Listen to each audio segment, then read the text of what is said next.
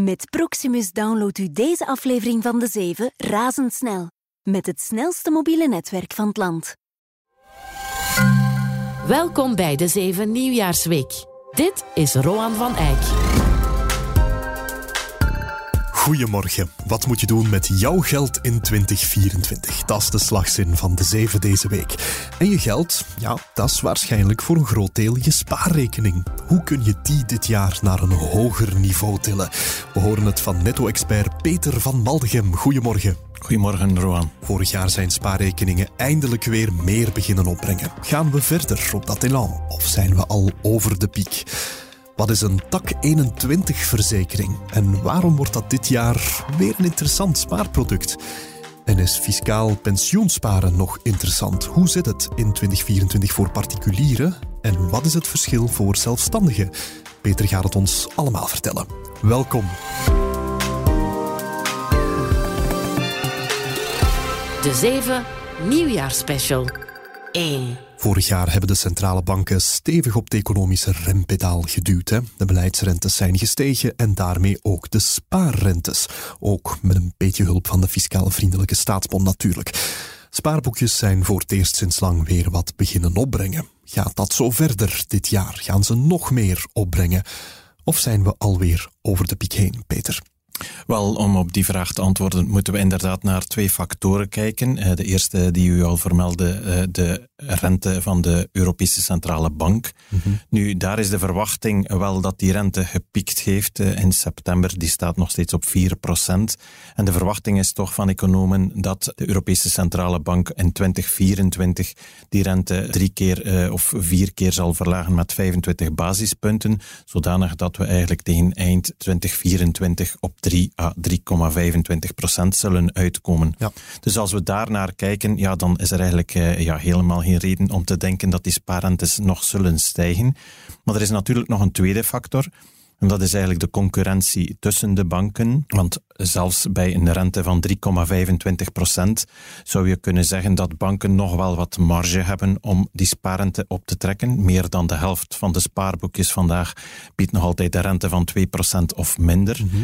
Maar ook daar hoor je toch wel bij de banken ja, dat die rentemarges aan het slinken zijn, dat ze niet direct geneigd zijn om daar nog grote inspanningen te leveren. Dus al bij al is de verwachting toch um, dat je niet meteen moet verwachten uh, dat die, die rentes op uh, de spaarboekjes nog uh, fors hoger zullen gaan.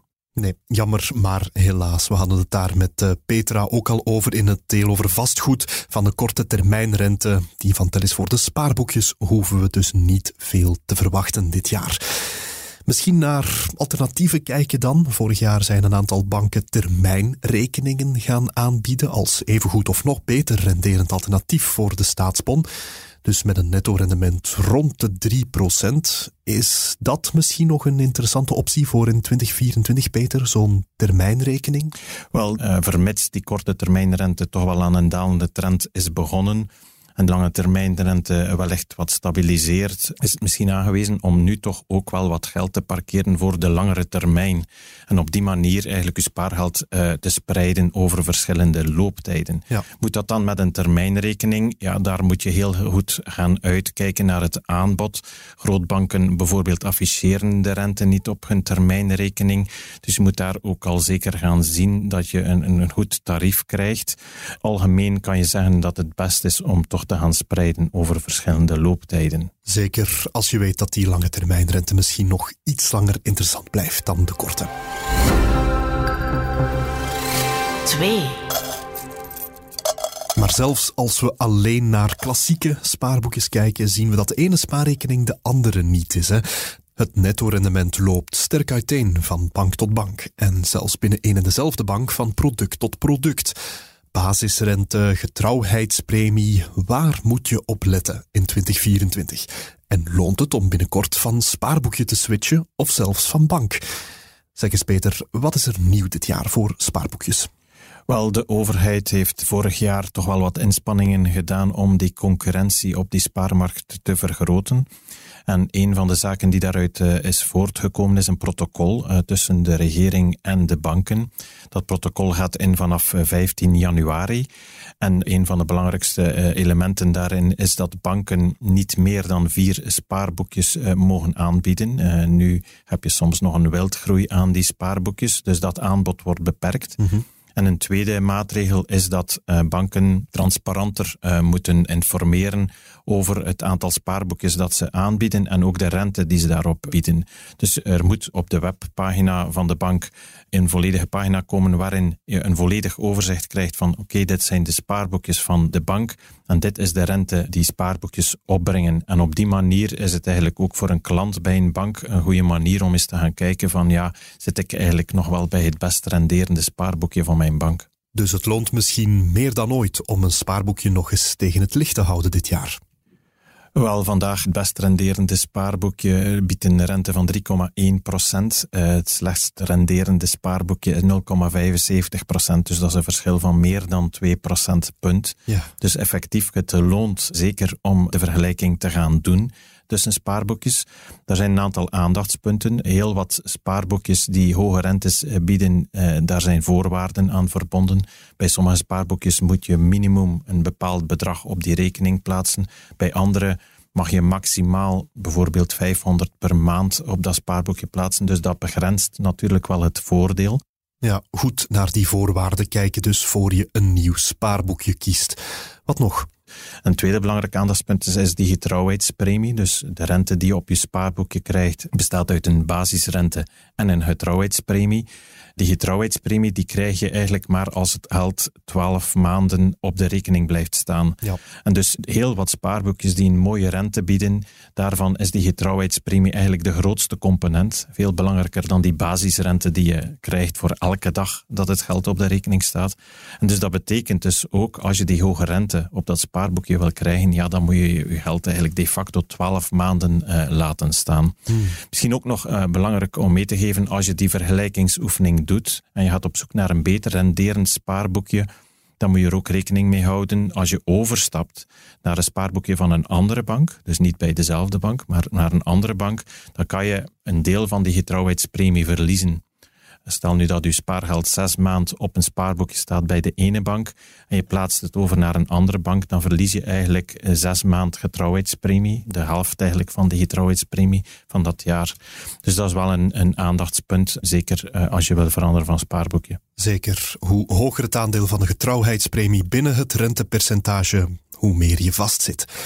Je bank stelt je trouwens verplicht een rentecalculator ter beschikking. Hè. Daarmee kan je bijvoorbeeld zien wanneer je best geld afhaalt of net niet afhaalt om het verlies aan getrouwheidspremie te beperken.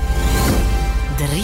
Oké, maar goed, welke bank of welk spaarproduct ik ook kies, zijn dus geen super rooskleurige vooruitzichten voor komend jaar voor de klassieke spaarformules. De rentes gaan tenslotte niet meer stijgen. Maar er is wel één product dat we er even willen uitlichten, omdat dat dit jaar wel eens opnieuw interessanter zou kunnen worden. De TAC 21 verzekering. Die krijgt in 2024 misschien wel een revival. Om te beginnen, Peter, wat is het precies? Wel, een tak 21 verzekering is eigenlijk een spaarproduct die je bij uw verzekering afsluit. En in tegenstelling tot een spaarboekje dat je dagelijks eigenlijk kunt opzeggen, heeft een tak 21 verzekering eigenlijk een looptijd van 8 jaar en 1 dag. Dat is eigenlijk de looptijd die je best nastreeft om de roerende voorheffing te vermijden. Er is een keerzijde van de medaille aan dat product, namelijk dat je een premietax van 2% betaalt, dat er ook instapkosten zijn. Hm. Maar het positieve aan, aan een tak 21 verzekering is dat, dat het, het rentedeel bestaat uit twee componenten, namelijk een gegarandeerde rente. En dus dat betekent elke storting dat je doet en uw tak 21 verzekering krijgt een gegarandeerde rente gedurende die acht jaar en één dag. En dus daar ben je zeker van. En daarbovenop kan er jaarlijks ook een winstdeelname komen die afhankelijk is van de resultaten van de verzekeraar. Nu, wat die gegarandeerde rente betreft, daar is wel een wettelijk maximum en die bedraagt uh, eh, 2%. Oké, okay, 2%. Goed, maar niet denderend. Waarom wordt die tak 21 verzekering in 2024 dan opnieuw interessanter? Wel, hier komen we opnieuw bij het renteverhaal. Dus de rentes zijn de, de voorbije jaren opnieuw gestegen.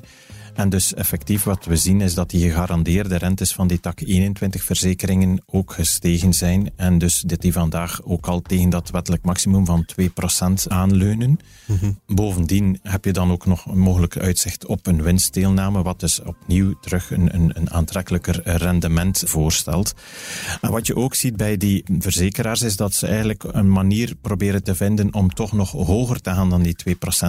En wat ze gaan doen is eigenlijk een, een hogere gegarandeerde rente uh, bieden, maar voor een iets kortere periode. Dus ze gaan niet naar die acht jaar en één dag, want wettelijk gezien mag dat ook niet. Maar ze gaan iets korter gaan, vaak zelfs tot acht jaar, en bieden ze dan een gegarandeerde rente van 3%. En op die manier kan een tak 21 verzekering toch wel voor iemand die een horizon heeft van dan minstens acht jaar een aantrekkelijk alternatief worden. Ik snap het. Te overwegen dus dit jaar zo'n tak 21 verzekering. Als je je geld zo lang kan laten staan natuurlijk. 4. Peter, als we het hebben over sparen, moeten we het ook hebben over pensioensparen. Je weet wel, hè, het typische fonds dat je opent bij je bank, waar je jaarlijks 990 euro op stort en waar dan een fiscaal voordeel aan verbonden is, 30% belastingvermindering. Dat is niet slecht, maar doorgewinterde beleggers durven daar al eens kritisch voor te zijn. Hè. Ze zeggen dan vaak dat vooral de banken beter af zijn met die massale Belgische gewoonte van fiscaal pensioensparen en dat er een mooie rendement te rapen valt op de beurs. Het voorbeeld bij uitstek dat ze dan gebruiken is het indexfonds met wereldwijde aandelen, zoals de MSCI World Tracker bijvoorbeeld. Maar is dat echt zo, Peter? Het hangt natuurlijk af van het economisch klimaat van het moment. Hè. Hoe interessant is fiscaal pensioensparen in 2024? Wel, die vergelijking met de MSCI World, met een wereldindex, wat je dan ziet is effectief de voorbije tien jaar waarin Amerikaanse aandelen het uitstekend deden, dat die wereldtracker het vele malen beter deed dan een pensioenspaarfonds. Gaan we iets verder kijken, en bijvoorbeeld vanaf het jaar 2000, dus dan spreken we over een periode van 23 jaar. Wat veel vergelijkbaarder is met de horizon van een pensioenspaarfonds? Ja, dan zie je dat de MSCI World, een wereldindex, een rendement in euro voorlegde van 5% per jaar. Vergelijk je dat met een gemiddeld pensioenspaarfonds, dan haalde dat 4,5% eh, per jaar. Dus die verschillen zijn iets kleiner. En het gaat hier ook over een rendement inclusief kosten, dus na kosten. En dus ook nog zonder rekening te houden met het fiscaal voordeel eh, dat het eh, fonds biedt. Hmm, met die langere horizon is er dus eigenlijk niet zoveel verschil meer tussen de Wereldtracker en het klassieke pensioenspaarfonds. Maar wat zijn nog verschillen? Wel, uh, doorgewinterde beleggers weten uiteraard dat een 100% aandelenbelegging op lange termijn effectief de meest rendabele oplossing is.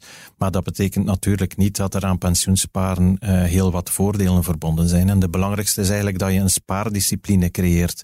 Dat je eigenlijk bijna verplicht wordt, als je dat fiscaal voordeel wil krijgen, om elk jaar te gaan storten. Ja. Verder uh, zit er ook een, eigenlijk een slot op de deur. Je kan dat geld niet opvragen voor je 60ste verjaardag. Sommigen zullen dat een nadeel vinden, maar dat kan ook een voordeel zijn, want dat betekent dat je geen impuls aankopen zult doen. Je laat dat geld daar netjes staan tot je pensioenleeftijd. Nog een ander voordeel aan die pensioenspaarfondsen is dat je naarmate je dichter komt bij je pensioenleeftijd, dat je dat geld eigenlijk gratis kunt overplaatsen naar een defensiever fonds met minder risico.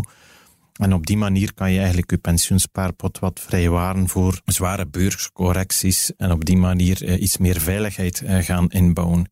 Dus Peter, conclusie voor komend jaar als ik nog niet ben begonnen met pensioensparen? Dus ja, moet je aan pensioensparen doen? Ik denk dat die vraag ieder voor zichzelf eh, moet antwoorden. Doorgewinterde beleggers zullen wellicht zeggen, uh, ik doe het beter zelf. Ik heb dat fiscaal voordeel niet nodig, maar uh, heel wat andere mensen zullen er net wel voordeel bij hebben um, dat ze die spaardiscipline hebben en dat ze ook in een heel gespreide portefeuille van aandelen en obligaties beleggen. En die obligaties doen het ook al stukken beter, bieden al betere rendementen dan um, enkele jaren geleden. Vijf. We blijven nog even bij pensioensparen, maar we zoomen in op zelfstandigen, want voor hen werkt pensioensparen een beetje anders. En ook hier kan het zijn dat 2024 een omwentelingsjaar wordt. First things first, Peter. Wat is er anders voor zelfstandigen die willen pensioen sparen?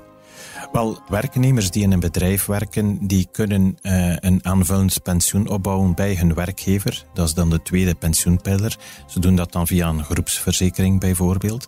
Nu, zelfstandigen die hebben die mogelijkheid niet. Maar voor hen is er het VAPZ, dat is het vrij aanvullend pensioen voor zelfstandigen. Dat is eigenlijk een manier om te gaan sparen voor uw pensioen als zelfstandige. Er zijn enkele regels aan verbonden. Je mag maximum 8,17% van uw netto belastbaar inkomen per jaar storten met een, een maximum van ongeveer 4000 euro per jaar. En het fiscaal voordeel daarvan is heel groot, want je kan dat eigenlijk volledig als beroepskosten gaan inbrengen. Dus dat is een manier van pensioensparen dat gedaan wordt door heel wat zelfstandigen, meer dan uh, half miljoen ondertussen. En waarom wordt dat pensioensparen voor zelfstandigen dit jaar nog interessanter? Wel, we komen opnieuw bij het eh, renteverhaal, eh, Roan. Dus een VAPZ is eigenlijk verplicht om kapitaalgarantie op de stortingen te bieden. En in de praktijk betekent dat dat eigenlijk nagenoeg alle stortingen van een VAPZ gebeuren in een tak 21 verzekering, waarover we het daarnet ook hadden. Ja. En dus je zit ook nieuw hier met die hogere gegarandeerde rentes. Uh, die VAPZ-verzekering bracht in de voorbije jaren eigenlijk relatief weinig op, omdat die gegarandeerde rentes tussen 0 en 0,5 procent lagen. Vandaag zitten we al aan 2 procent. Heb je ook uitzicht op uh, een winstdeelname, waardoor dat het potentiële rendement wel wat hoger ligt. En een tweede factor is dat er ook verzekeraars zijn die wat innoveren. En die wel die kapitaalgarantie uiteraard uh, nastreven, maar die zeggen, ik ga dat doen door een combinatie van tak 21 en tak 23. En tak 23, wat is dat? Dat is eigenlijk een belegging gekoppeld aan, aan beleggingsfondsen, waarvan het risico iets hoger is, maar waarvan ook het potentieel rendement hoger is. Mhm. En door die combinatie proberen die verzekeraars eigenlijk dat rendement van VAPZ ook nog wat op te krikken pensioensparen als zelfstandige dit jaar dus interessanter dan ooit, omdat je zo ook in zo'n tak 21 verzekering zit en omdat bepaalde verzekeraars tegenwoordig ook tak 23 beleggingsfondsen in de mix gooien. 6. Van de spaarformules wil ik even naar de absolute basics, Peter. De zichtrekening. Ook daar valt geld mee te besparen. Want de ene zichtrekening is de andere niet. Er zijn grote prijsverschillen tussen de servicekosten die verschillende banken aanrekenen voor zo'n zichtrekening. Die prijzen worden constant geüpdate en ook begin dit jaar lanceren de banken heel wat nieuwe packs. Misschien loont het wel om dat eens te bekijken en eventueel van bank te switchen voor je zichtrekening. Dat hoeft tenslotte niet dezelfde bank te zijn als je spaarrekening. Kan je ons helpen door de bomen het bos weer wat te zien, Peter? Het aanbod is inderdaad uh, heel uitgebreid. De voorwaarden zijn ook uh, heel verschillend, dus het is heel moeilijk om te vergelijken. Mm -hmm. Als je er een rode draad moet proberen in te vinden, dan kan je effectief wel zeggen dat grootbanken verschillende pakketten aanbieden. En naarmate je meer betaalt, zullen daar meer diensten onder vallen. Bij kleinere banken is het vaker zo dat je betaalt voor je zichtrekening en dat je voor die bijkomende diensten dan eigenlijk bijna apart uh, zult betalen. Eigenlijk komt erop neer, als je, als je dit weet, dan is het eigenlijk beter om, als je enkel basisdiensten nodig hebt, om naar die kleinere bank of naar die internetbank te gaan kijken, dan ga je daar misschien wel goedkoper af zijn dan bij een grotere bank. Maar alles hangt uiteraard af eh, van wat je precies eh, nodig hebt. Alright, maar stel nu dat ik toch echt een upgrade wil van mijn pakket. Bijvoorbeeld omdat ik eens per jaar mijn reis met mijn kredietkaart wil betalen en een hogere limiet wil. Is dat de meerkost van zo'n duurder pakket dan waard? Wel, dat is ook een, eh, een, heel moeilijke vraag, want dat hangt echt af van wat je nodig hebt. Vaak is het effectief zo dat die pakketten zaken omvatten die je vaak niet gebruikt. Dus ik denk dat een goede manier is om dat te achterhalen is om eens op papier te zetten wat je effectief zelf verwacht. Hoeveel debitkaarten heb je nodig? Heb je een kredietkaart nodig? Wil je vaak bij je bank langs gaan? Is die loketfunctie belangrijk? Hoeveel heldafhalingen doe je nog uh, op een jaar? Al dat soort vragen zullen meebepalen wat effectief belangrijk uh, voor je is. En een goede tool die daarbij kan helpen is Wikifin, die aan de hand van dit soort vragen een overzicht geeft van de zichtrekeningen uh, met hun kostprijs. En op die manier kan je eigenlijk wel wat gerichter op zoek gaan. 7. We hebben het in deze aflevering al gehad over een tak 21 verzekering, maar dat is eigenlijk een spaarproduct. Ik wil het ook nog even hebben over echte verzekeringen, Peter. Dat is tenslotte de titel van deze aflevering: Sparen en verzekeren. Want ook wat dat laatste betreft verandert er het een en ander dit jaar. Vooral tegen het einde van het jaar, Peter. Vertel eens. Ja, inderdaad. Dus tegen eh, eind dit jaar zal het makkelijker en eenvoudiger worden om uw verzekering op te zeggen. Vandaag bijvoorbeeld kan je verzekering eigenlijk maar één keer per jaar opzeggen, eh, behalve als er een schadegeval is. Maar dus één keer per jaar en je moet dat ook drie maanden op voorhand doen. Dat is dus uh, niet zo evident. En dat verandert. Vanaf dit jaar zal het mogelijk zijn om uw verzekering op elk moment op te zeggen. Mm -hmm. Doe je dat als uw verzekering nog geen jaar loopt, dan zal de opzegtermijn twee maanden zijn. Doe je dat als uw verzekering al meer dan een jaar loopt, dan is uw opzegtermijn maar één maand. Dus dat is al een eerste vereenvoudiging. En ten tweede, de opzeg zelf zal ook eenvoudiger kunnen en gratis trouwens uh, op een digitale manier. Vandaag moet dat nog met een aangetekend uh, brief gebeuren. Oké, dat is dus voor eind dit jaar, vanaf begin november of december, moet nog bepaald worden. Maar dus belangrijk als je een verzekeringscontract wil stopzetten. Maar ja, stopzetten, dat gebeurt eigenlijk niet vaak, hè, Peter? Wel, we hebben inderdaad niet de gewoonte om naar onze verzekeringsportefeuille vaak om te kijken. We laten dat lopen en we kijken er eigenlijk weinig naar om. Maar er zijn wel redenen om dat toch één keer per jaar wel te gaan doen. Een van de redenen is bijvoorbeeld dat uh, ja, die prijzen en die premies ook wel evolueren. Dus het kan geen kwaad om eens te gaan kijken of de premie die je betaalt nog wel marktconform is. Ja. Dat is al een eerste belangrijke reden. Een tweede belangrijke reden is ook dat je ook wel soms moet nagaan of de dekking uh, van je verzekering nog wel uh, voldoende is. Als je bijvoorbeeld in je woning zonnepanelen plaatst of je breidt je woning een beetje uit, ja, dan loop je het risico van onderverzekerd te geraken. Dus ook daar denk ik is het belangrijk om toch af en toe eens stil te staan bij uw verzekeringen en te gaan kijken of alles nog up-to-date is. En zo weten we weer helemaal hoe ons te verzekeren en hoe meer te halen uit onze spaarcenten in 2024. Merci daarvoor, Peter van Maldegem. Graag gedaan. En zoals altijd, als je de dingen die Peter en ik hier besproken hebben rustig op je gemak wil nalezen, of als je graag wat meer inzoomt op bepaalde onderwerpen, check dan onze fantastische netto-gids. Alles waar we het hier in deze nieuwjaarsspecials van de Zeven over hebben, is daarin terug te vinden, maar dan wel in veel groter detail. Je vindt de netto-gids Uw geld in 2024 op tijd.be slash netto. Wat sparen betreft hebben we zelfs een heel online dossier Sparen in 2024. Morgen hebben we het in de podcast over belastingen en gezin. Hoe gaat je belastingbrief eruit zien dit jaar? En welke telecomprijsstijgingen ga je het hardste voelen bijvoorbeeld? Heel graag tot morgen. Dit was een nieuwjaarsspecial van De Zeven met Roan van Eyck. Voor meer business en straffe nieuwsverhalen, check tijd.be of onze app. Morgen zijn we er weer. Tot dan!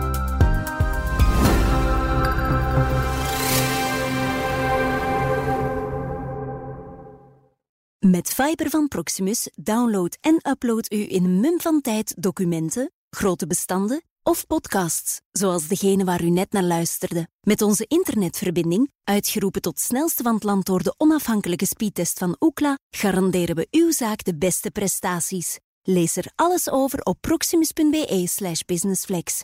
Meer weten? Onze 300 business experts staan klaar om u verder te helpen. Proximus. Think possible. De nieuwe ontwikkelingen van artificiële intelligentie komen in golven op ons af. Binnenkort zal AI naadloos verweven zijn in diverse aspecten van ons leven. De maakindustrie, de gezondheidszorg of misschien zelfs op de werkvloer. Zal dit de productiviteit verhogen? Zullen complexe vraagstukken in de gezondheidszorg sneller een antwoord krijgen en zal AI voor nog een betere tijdsindeling zorgen op de werkvloer? EY biedt al een glimp van dat toekomstbeeld. Wil je graag meer lezen of luisteren over AI? Ontdek alle andere artikels en podcasts via tijd.be/inzicht.